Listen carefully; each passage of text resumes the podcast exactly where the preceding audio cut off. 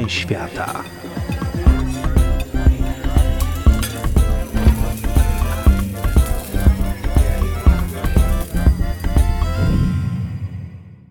Dzień dobry. Dzisiaj nadaję prosto z Madrytu. Nadaję do Was z Calle de Cava Baja, czyli z ulicy, która słynie z tak zwanych tapas. Tapas, y, czyli przekąsek. Takich rzeczy, które je się, podjada właściwie do y, wina, wermutu albo innego rodzaju alkoholu. To, co bardzo jest ciekawe, to to, skąd w ogóle wzięła się ta tradycja tapas i oczywiście, jak zwykle, jest kilka teorii. Legenda głosi, że tapas y, urodziły się, jedno jest tapa, a liczba mnoga jest tapas. Więc te tapas narodziły się wtedy, kiedy y, król Alfonso X, zwany Mądrym, był chory. I ponieważ był chory, to mógł jeść tylko mało jedzenia z odrobinką wina pomiędzy poważnymi posiłkami. To znaczy musiał jeść tak właściwie cały czas. Tak uznali jego medycy. Ale kiedy wyzdrowiał, bo okazało się, że ta kuracja była jednak sensowna, postanowił zachować ten zwyczaj, ponieważ czuł się wyjątkowo dobrze. Więcej wymyślił wtedy, i to wydaje się, że było dosyć ciekawe, że nie wolno sprzedawać w oberżach e, hiszpańskich wina bez jakiegoś rodzaju, my byśmy powiedzieli, zagryzki. Tyle, że ta zagryzka troszkę się rozrasta do takich małych posiłeczków. Właściwie za chwilę podam kilka przykładów. Zobaczycie, że to nie jest um, jak przysłowiowa eklerka, którą w PRL-u również podawano do konsumpcji alkoholu, tylko jest to takie małe danie, którym w sumie można się całkiem nieźle najeść.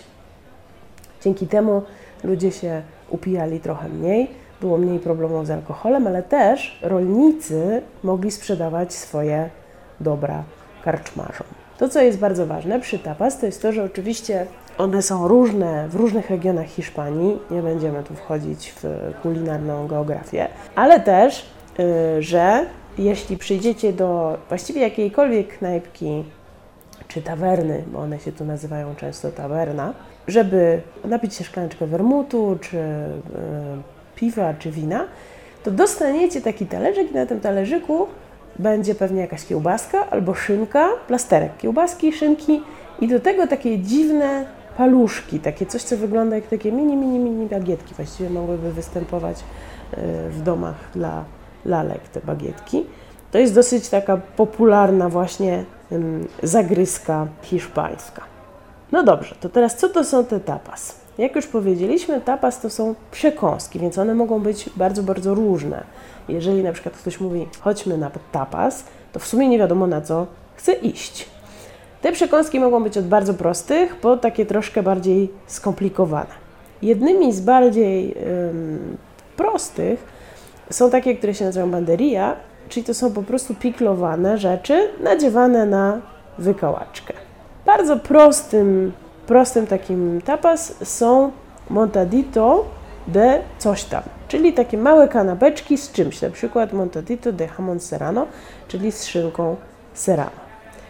To oczywiście często mogą to być po prostu pyszne oliwki, mogą być też tak zwane patatas bravas, czyli ziemniaki smażone w głębokim oleju, takie właściwie frytki, chociaż one są troszkę inaczej krojone. Może być też tortilla española, czyli omlet z jajek i smażonych kartofli. Może to być też taki wybór szynek, yy, czyli hamon. To jest jeden z hiszpańskich produktów, który najbardziej smakuje turystom. A w tapa zwykle towarzyszy mu chleb lub właśnie te małe, takie chrupiące chlebowe paluszki. One się nazywają picos albo colines i są typowe dla Hiszpanii. Takim tapas może być też ser. W Hiszpanii istnieje wiele rodzajów sera. Często je się lokalne odmiany. Niektóre są dobrze znane, na przykład manchego, y, typowy dla Kastylii i dla La Mancha, czyli stamtąd skąd był y, Don Quixote de la Mancha. Może być też Izabal z kraju Basków, Roncal z Nawarry, Mahon z Balearów albo Mahorero z Wysp Kanaryjskich. To są wszystko takie sery, które na polski mm, gust na polskie podniebienie są bardzo przyjemne, nie są jakieś ostre, nie są śmierdzące, broń Boże. Naprawdę bardzo przyjemna sprawa. Może jakimiś takimi bardziej skomplikowanymi rzeczami są owoce morza, no bo e, w Hiszpanii ten dostęp do morza jest jednak łatwiejszy niż u nas. Kalmary, na przykład skropione oliwą z oliwek, podawane na ciepło, jako takie smażone krążki, y, czasem na przykład w mące kukurydzianej, dzięki, czyli nie w takiej panierce grubej, jak na przykład schabowy, tylko takie delikatnie opruszone i usmażone, bardzo fajne. No a bardzo częstym y, składnikiem tapasów są jajka. W tapasach bardzo istotne jest to, żeby jeszcze raz, tak jak mówiliśmy, troszkę się najeść, ale też za bardzo nie przejeść. E, jest coś takiego jak huevos rotos, to są właściwie takie trochę jajka sadzone, albo huevos estrellados, to są roz, po prostu rozbite jajka.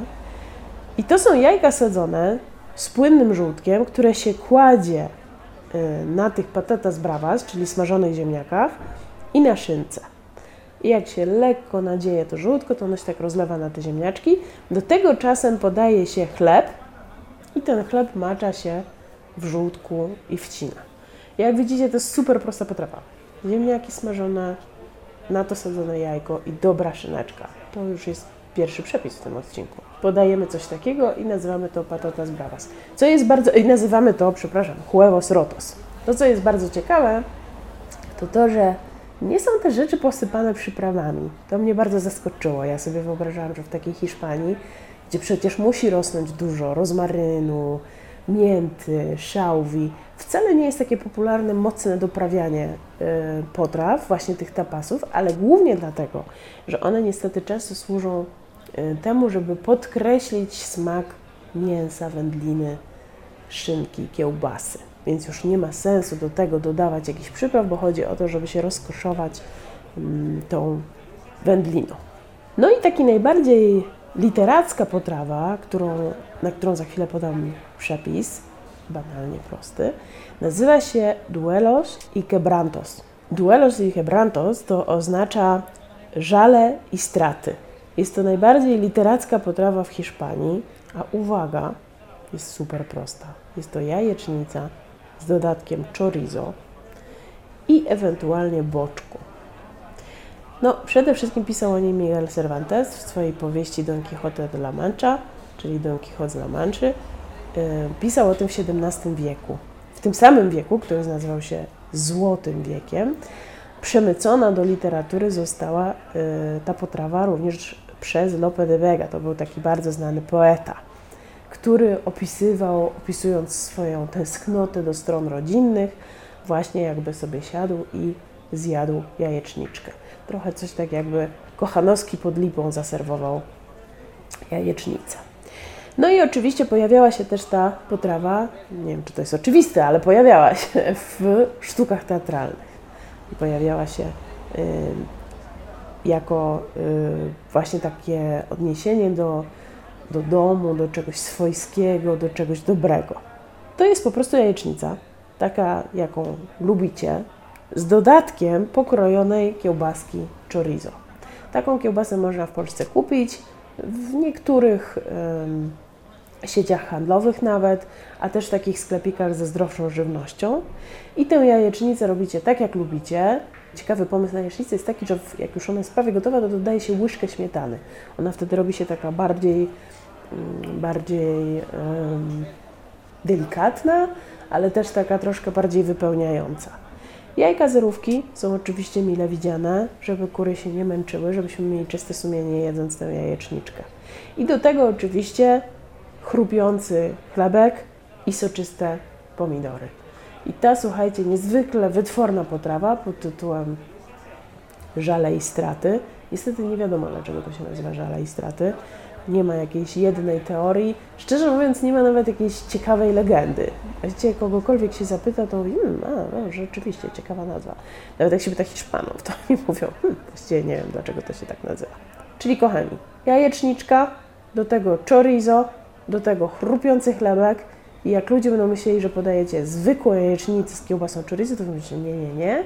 To są żale i straty, duelos i quebrantos. To jest bardzo literacka potrawa, a w ogóle to jest tapa, czyli przystawka. Do tego oczywiście można podać zimne piwo albo zimne wino. Smacznego!